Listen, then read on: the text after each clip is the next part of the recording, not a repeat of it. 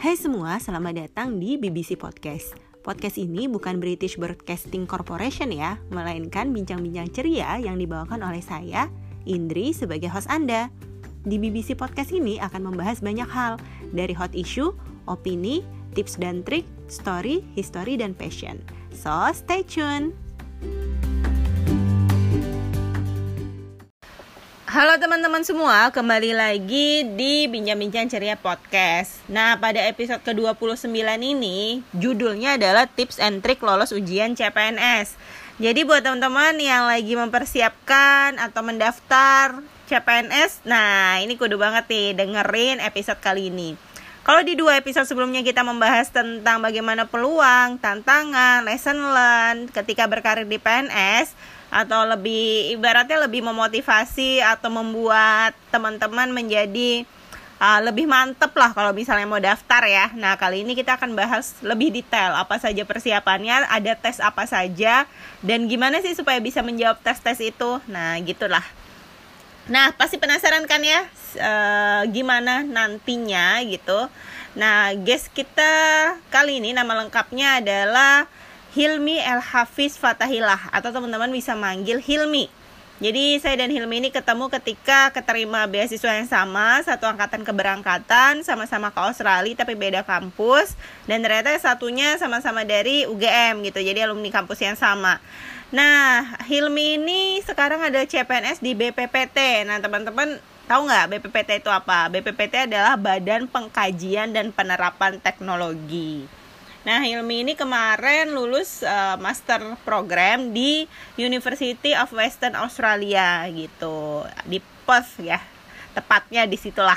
Uh, nanti sebelum kita masuk ke sesi diskusi atau tanya jawab, seperti biasa saya akan membacakan fakta-fakta yang berkaitan dengan episode kali ini.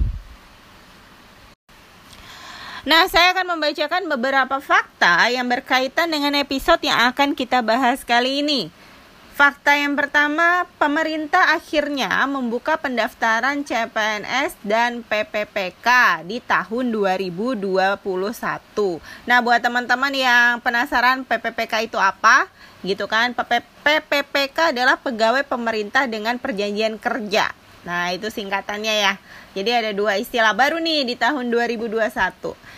Lanjut, setidaknya terdapat 570 instansi pemerintah membuka pendaftaran CPNS dan PPPK di tahun ini.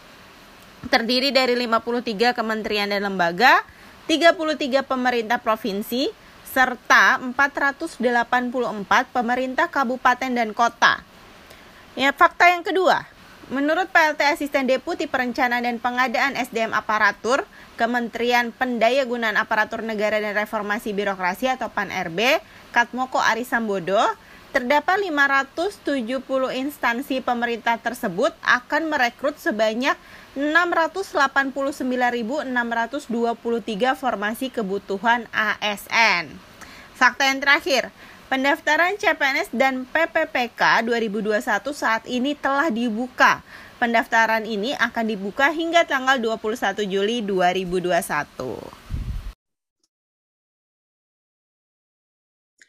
Ya, halo teman-teman pendengar bincang-bincang ceria. Nah, di episode kali ini, walaupun episode kemarin kita lompat nih ya, habis bahas soal tips, dan trik, ah, bukan tips dan trik sih, tapi kayak gimana sih lesson yang didapat ketika sudah berkecimpung atau berkarir di PNS selama 16 tahun tuh di episode dua episode sebelum ini. Nah, di episode kali ini kita mau ngelanjutin ke hal-hal yang lebih teknis. Kalau kemarin Mbak Lian udah 16 tahun jadi PNS di Kementerian Bappenas. Nah, kali ini kita punya guest nih yang masih fresh banget, yang masih new banget menjadi PNS yang baru diangkat tahun lalu. Nah, kita pengen tahu nih gimana sih tipsnya dan triknya supaya bisa lulus. Nah, kita sapa dulu. Halo Mi, Assalamualaikum. Halo Mbak Indri, Waalaikumsalam. Lagi di mana nih Mi? Lagi di rumah aja, di kontrakan. Di Serpong ya, daerah Serpong? Ya, di ya di daerah Serpong. Oke, nah mungkin kalau teman-teman di sini yang udah menargetkan instansi di daerah Serpong udah tahu nih Hilmi dari mana. Nah mungkin diceritakan dulu nih Mi, latar belakangnya, terus aktivitasnya saat ini, dan selama pandemi itu eh, ngapain aja, mungkin kan di kantor, nah mungkin bisa diceritakan. Oke, uh, halo teman-teman, perkenalkan nama saya Hilmi. Uh, saya CPNS dengan jabatan fungsional calon prekayasa ahli pertama di BPPT, Badan Pengkajian dan Penerapan Teknologi, uh, di unit kerja Pusat Teknologi Pengembangan Sumber Daya Mineral. Nah, uh, buat yang belum tahu, BPPT itu salah satu instansi yang dulu didirikan oleh Bapak Presiden ketiga kita, Bapak uh, eh, BJ Habibie. Nah, uh, untuk kesibukan saat ini, saya sedang uh, menjalani lacar CPNS yang diadakan secara uh, e-learning sambil mengerjakan pekerjaan uh, kantor seperti biasa uh, dengan porsi yang lebih sedikit sebagai uh, seorang prekayasa. Uh, kenapa ini latsar saya diadakan secara e-learning? Ya karena masih uh, dalam musim pandemi seperti ini ya, jadi tidak mungkin uh, melakukan pertemuan secara langsung.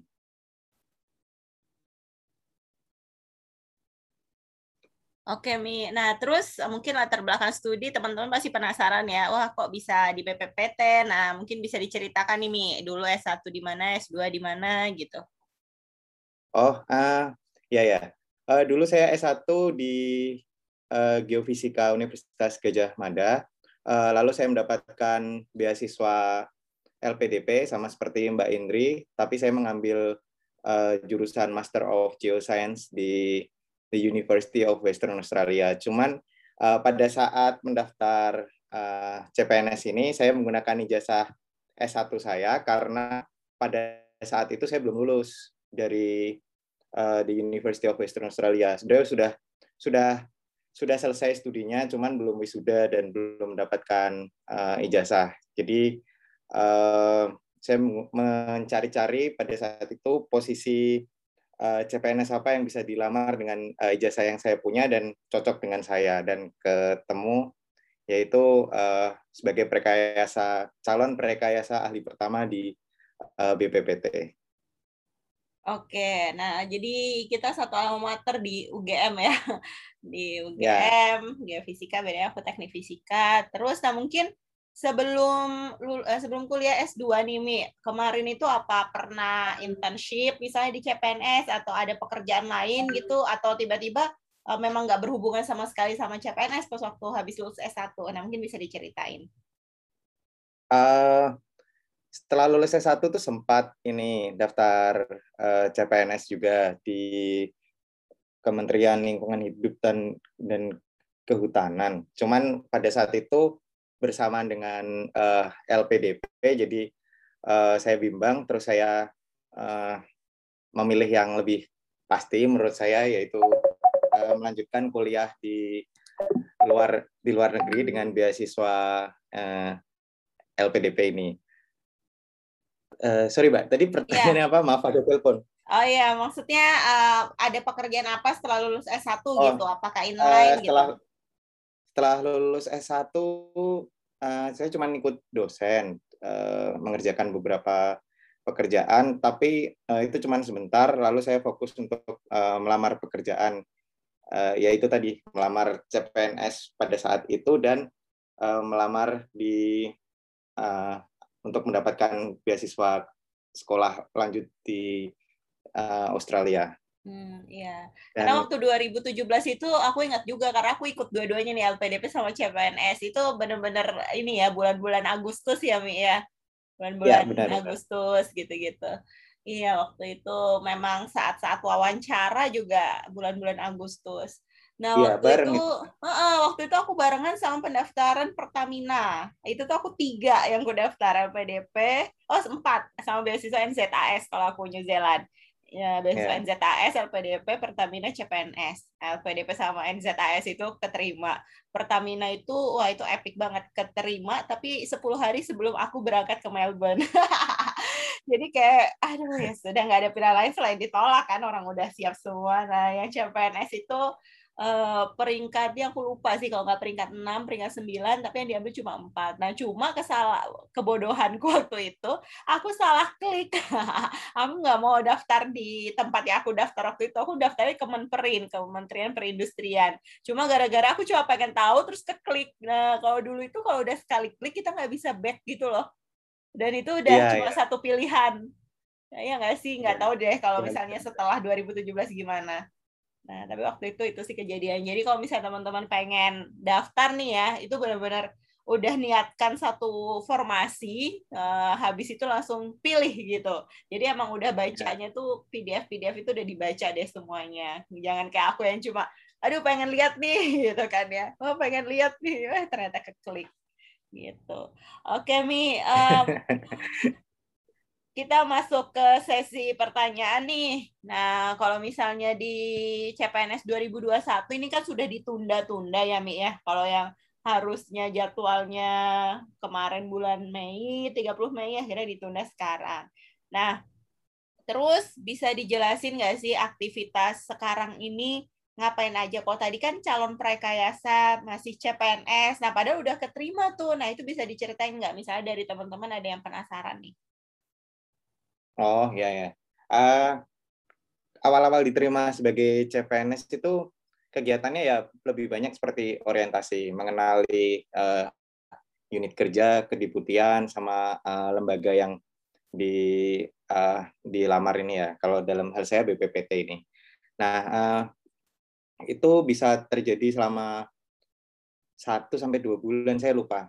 Uh, agak lama sih itu isinya pengenalan pengenalan kayak orientasi gitu. Terus selanjutnya uh, itu udah masuk ke pekerjaan yang uh, normal. Jadi kalau di BPPT kan dibagi ke dalam eh, STKK, sistem tata kerja ke rekayasaan. Jadi udah dimasukkan ke grup-grup itu, nanti dapat project sendiri-sendiri, project yang terkait dengan kerekayasaan dan itu uh, ya sudah bekerja seperti biasa membuat technical notes, uh, WS dan lain-lain serta uh, melakukan penelitian dan di tengah-tengah uh, tahun ini baru diadakan uh, apa namanya latsar CPNS-nya seperti itu mbak. Uh, kan ada yang namanya prajab ya prajabatan biasanya itu tuh sekarang ya. ini ya prajab ya. Ya sekarang namanya latsar. Kalau dulu oh, prajab sekarang latsar. Dan ya. latsar itu setahun gitu periodenya. Ah, beda-beda tergantung uh, instansinya. Ada yang cuman uh, dua bulan, tiga bulan. Ada yang kalau saya ini udah dari bulan April sampai sampai nanti September. Ya setengah tahunan mungkin ya. Hmm, berarti nanti setelah September baru ada SK pengangkatan atau SK presiden ya. apalah namanya. Ya, se, uh, baru resmi menjadi CPNS. Jadi setelah agenda terakhir nanti dari Latsar ini aktualisasi diangkat jadi PNS yang beneran PNS, bukan calon lagi. oh, siap. Nah, begitu ya teman-teman. Jadi kalau misalnya ada yang uh, bertanya loh, kok udah keterima kok masih CPNS? Nah, ternyata harus ada prosesnya. Nah, mungkin kita balik lagi nih, Mi. Kalau nggak salah berarti daftarnya dulu 2019, tapi karena pandemi gitu kan jadi pengumumannya agak telat, tesnya juga agak telat sampai 2020 yeah. itu pengumuman. Nah, dulu yeah. pas 2019 itu atau CPNS terakhir sebelum sekarang, nah apa aja tahapannya sih sama persiapan tes yang dilakukan gitu saat mengikuti seleksi. Nah, misalnya seleksinya ada apa aja, habis itu oh. persiapan di tiap seleksi apa gitu. Ya, yeah. uh, jadi secara umum masih sama ya. Uh, ada seleksi berkas, terus seleksi kompetensi dasar, lalu seleksi kompetensi bidang. Nah, seleksi berkas itu uh, di mana kita harus uh, termasuk memilih uh, apa namanya masuk ke SSCN, lalu memilih uh, instansi apa yang uh, instansi dan posisi apa yang akan kita lamar Eh, lalu mengupload berkas-berkas sesuai yang diminta eh, dan itu harus dipastikan bahwa eh, latar belakang pendidikan kita itu sama seperti yang diminta dan kita mampu memenuhi berkas-berkas itu karena kalau tidak itu bisa ketolak. Nah, terus yang kedua itu melakukan seleksi kompetensi dasar. Nah, ini yang terdiri atas TWK, tes wawasan kebangsaan, uh, eh, intelijensia umum, lalu tes kompetensi, tes karakteristik pribadi. Nah, ini saya kan sudah pernah mengikuti dua kali tes ini ya. Nah, ini ada perbedaan ini antara tahun 2017 itu sama 2019. Pada tahun 2017 itu soal-soalnya bersifat hafalan ya, khususnya di TWK. Tapi di tahun 2019 itu lebih ke penalaran. Jadi uh, hafalan aja nggak cukup. Jadi uh, butuh butuh latihan penalaran juga. Nah, lalu yang terakhir ini seleksi kompetensi bidang. Nah, ini yang uh, pada zaman saya ini tertunda karena ada pandemi. Jadi tertunda sampai ke tahun depannya. Nah, seperti itu, Mbak. Oke, nah berarti kalau nggak salah ada ada tiga berarti ya Mi ya kalau secara ya, besar. ada tiga administrasi, terus SKD itu yang terdiri dari TWK, uh, eh, intelijensi, habis itu awal apa tadi kepribadian ya, terus yang terakhir ya. tes interview ya Mi ya. Uh, seleksi kompetensi bidang. Jadi oh, itu hmm. tergantung nanti masing-masing uh, instansinya. Ada yang sifatnya itu ada tes interviewnya, ada yang uh, ada tes kayak kompetensi bidang yang benar-benar mengerjakan soal sesuai uh, bidang yang dilamar, ada juga yang tes fisik di sini. Uh, jadi itu nanti uh, harus di sini yang berbeda, uh, karena di sini yang beda-beda, maka ini yang harus rajin-rajin cari info untuk mengetahui uh, seperti apa sih uh, tes kompetensi bidang di instansi yang saya lamar ini seperti itu. Oke. Nah, kalau boleh tahu, kemarin itu pas daftar itu formasinya apa dan uh, posisinya itu ada berapa kuota gitu, Mi? Um, saya yang diambil itu jabatan fungsional prekayasa ahli pertama. Nah, uh, di situ yang diterima itu berapa ya? Dua orang untuk untuk uh, formasi laude. Dan yang umum itu dua orang. Jadi itu uh, cukup besar ya. Kalau ditotalkan di formasi uh, prekayasa ahli pertama dengan latar belakang geofisika berarti itu ada empat. Dua dari cum laude dari dua dari non cum laude. Seperti itu kamu daftar yang laude ya Wih.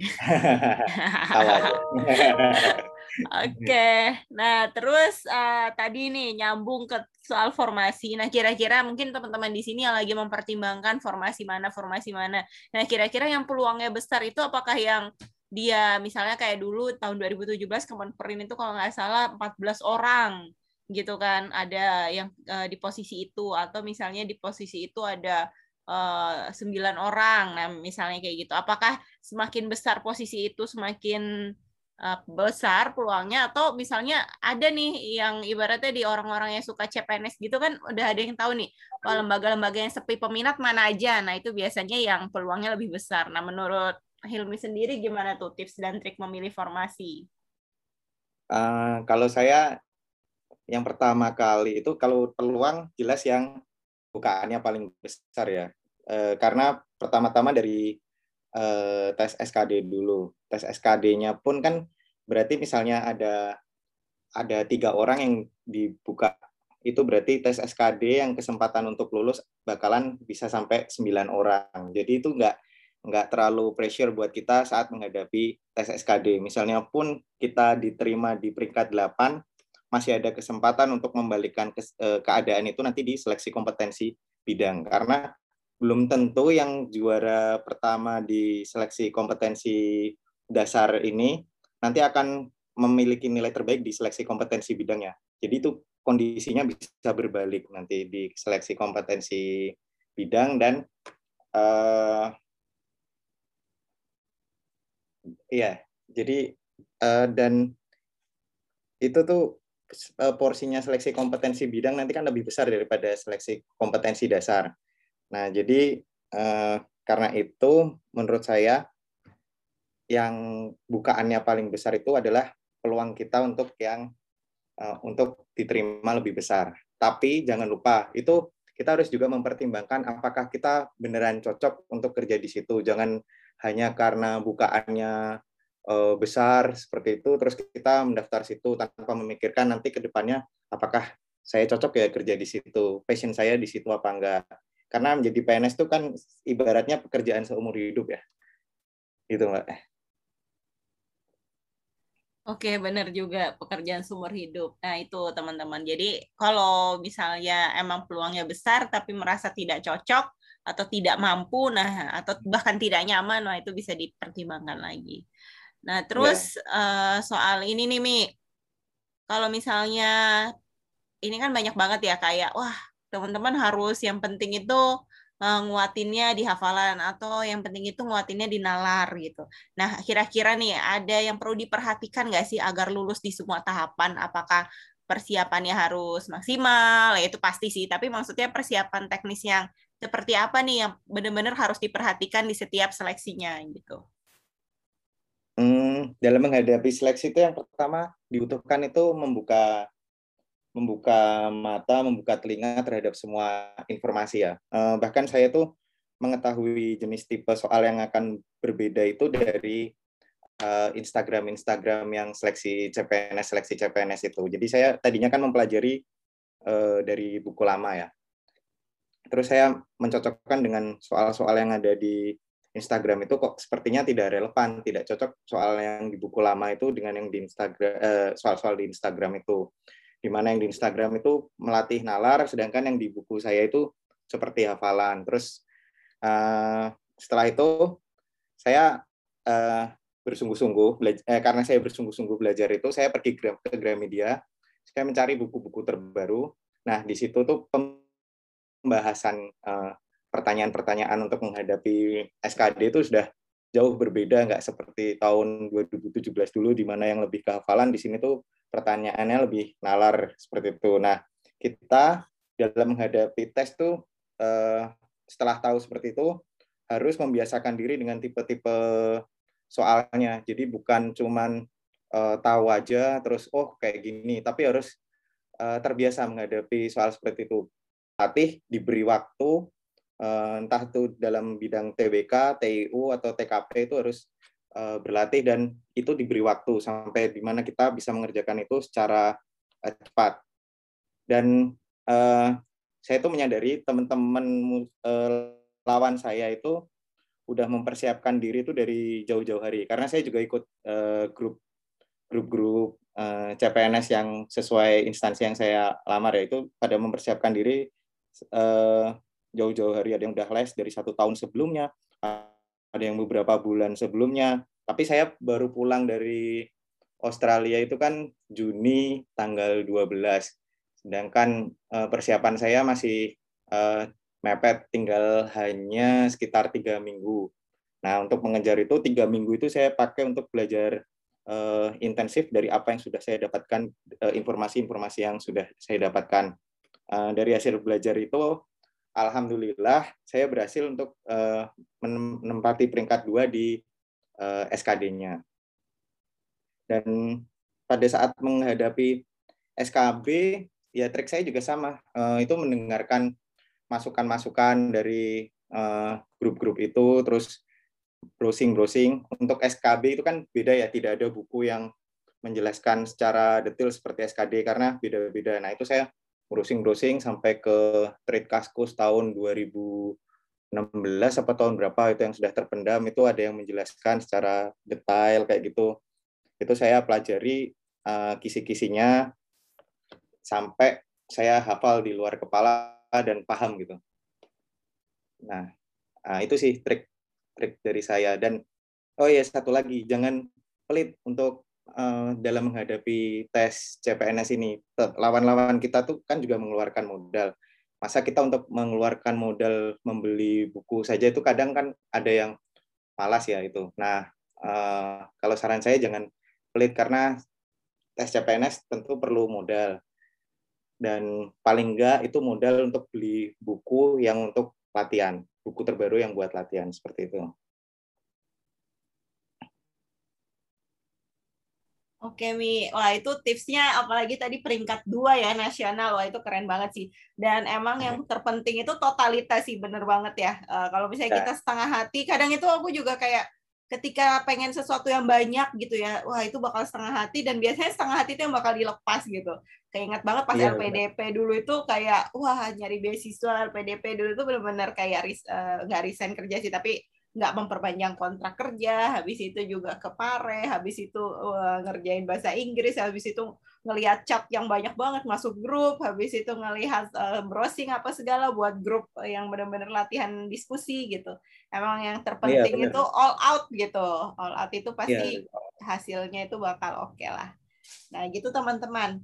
Nah, mungkin uh, pertanyaan hampir terakhir nih. Nah, ini ada nggak sih perjanjian atau persyaratan yang sulit untuk dipersiapkan selama persiapan seleksi. Misalnya ada persyaratan tidak boleh uh, tidak boleh apa gitu, tidak boleh menikah atau persyaratan harus ditempatkan di mana pun. Nah, kira-kira ada nggak sih yang sulit-sulit yang biasanya orang-orang bakal mempertimbangkan dulu gitu?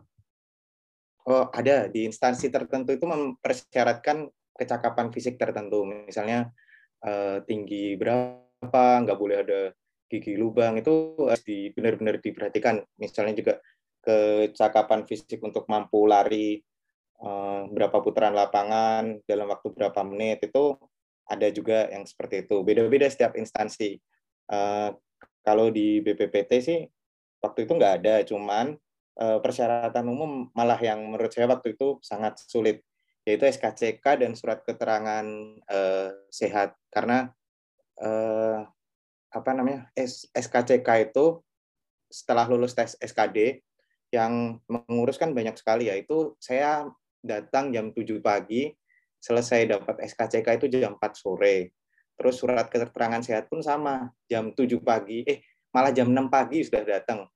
Terus habis itu jam 5 sore baru selesai dapat surat keterangan uh, sehatnya. Jadi eh, dokumen-dokumen uh, yang kayak gitu yang kita harus mengurus di eksternal itu harus disiapkannya itu jangan mepet-mepet waktunya. Misalnya hamin satu dari deadline itu jangan karena berisiko nggak nggak dapat dan itu hanya karena hal kecil itu terancam tidak bisa lanjut padahal kita udah misalnya lulus tes SKD-nya seperti itu. Oke Mi, Nah, ini mungkin uh, pertanyaan terakhir nih, Mi, uh, buat teman-teman generasi muda atau misalnya ini yang lagi mempersiapkan buat daftar CPNS di mana pun berada. Nah, kira-kira uh, ketika nanti setelah menjadi PNS, nah pekerjaan apa sih yang menanti selain tadi ada latsar gitu? Apakah uh, adaptasinya sulit? Habis itu mungkin ada pertanyaan-pertanyaan yang, wah kalau misalnya S2, terus nanti daftar S1, bisa nggak ijazah S2-nya dipakai untuk penyetaraan atau naik pangkat lah ibaratnya. Nah, mungkin ada pertanyaan-pertanyaan kayak gitu, Mi. Nah, mungkin bisa dijelasin nih, Mi. Ah ya, uh, kalau pekerjaannya itu sesuai uh, sesuai tupoksinya ya. Jadi ini harus dipelajari dulu tupoksinya. Terus uh, yang jelas sudah udah sama sih pe, uh, apa namanya pekerjaannya sama, mau mau PNS muda mau PNS tua itu uh, sama Eh, terus habis itu uh, apa namanya? Eh, sorry Mbak, apa tadi pertanyaannya? Oh ya, itu pekerjaan sama misalnya tadi ada beberapa pertanyaan soal bisa nggak ada penyetaraan gitu-gitu ketika oh, nanti ah, masuk. Nah, kalau mendaftar di lembaga eh, lembaga-lembaga non kementerian yang khususnya tentang Eh, riset dan perekayasaan itu mendaftar S1, ijazah S2-nya bisa disetarakan. Cuman kalau di eh, bagian-bagian kementerian kalau nggak salah ya itu yang lebih ke administrasi seperti itu eh, teman-teman saya cerita itu nggak nggak bisa sih disetarakan. Jadi misalnya mendaftar S1 ya S1 terus seperti itu. Itu yang nanti kalau mau S2 ya S2 lagi seperti itu. Oke, nah gitu ya teman-teman. Uh, dan mungkin uh, selain tadi ya tupoksi kalau ada yang belum tahu tupoksi itu apa tujuan pokok dan fungsi tadi benar banget harus dicari tahu. Jangan ketika nanti uh, baru di tengah tes baru oh apa sih yang dimaksud dengan perekayasa atau perencana atau apa gitu ya peneliti muda atau pranata muda apalah itu nah itu jangan ya. ketika udah di tengah proses baru nanya Nah gitu mungkin ada ini statement terakhir nih, Mi, uh, buat teman-teman yang pengen mempersiapkan CPNS. Oh ya, uh, kalau mau mendaftar uh, CPNS itu niatkan diri itu kita terus mengabdi kepada negara uh, dan kita harus mempelajari uh, formasi apa sih yang beneran cocok sama kita dan uh, peluang yang terbesar untuk kita itu apa. Lalu uh, persiapkan itu dengan sungguh-sungguh, jangan setengah hati karena kita harus sadar bahwa uh, saingan kita itu banyak dan mereka juga pasti sudah memiliki persiapan dan uh, kualitas diri yang mungkin bisa lebih bagus daripada kita. Nah, cara kita untuk mengungguli mereka yaitu hanya dengan uh, bersungguh-sungguh dan uh, meniati seleksi ini dengan tekad yang kuat. Oke, jadi ingat ini ya, Mars LPDP ya, tekad yang kuat. ya. Oke, makasih banyak Mi buat waktunya. Terus semangat, semoga sehat selalu di sana, sama lancar segalanya. Ya, assalamualaikum. Waalaikumsalam.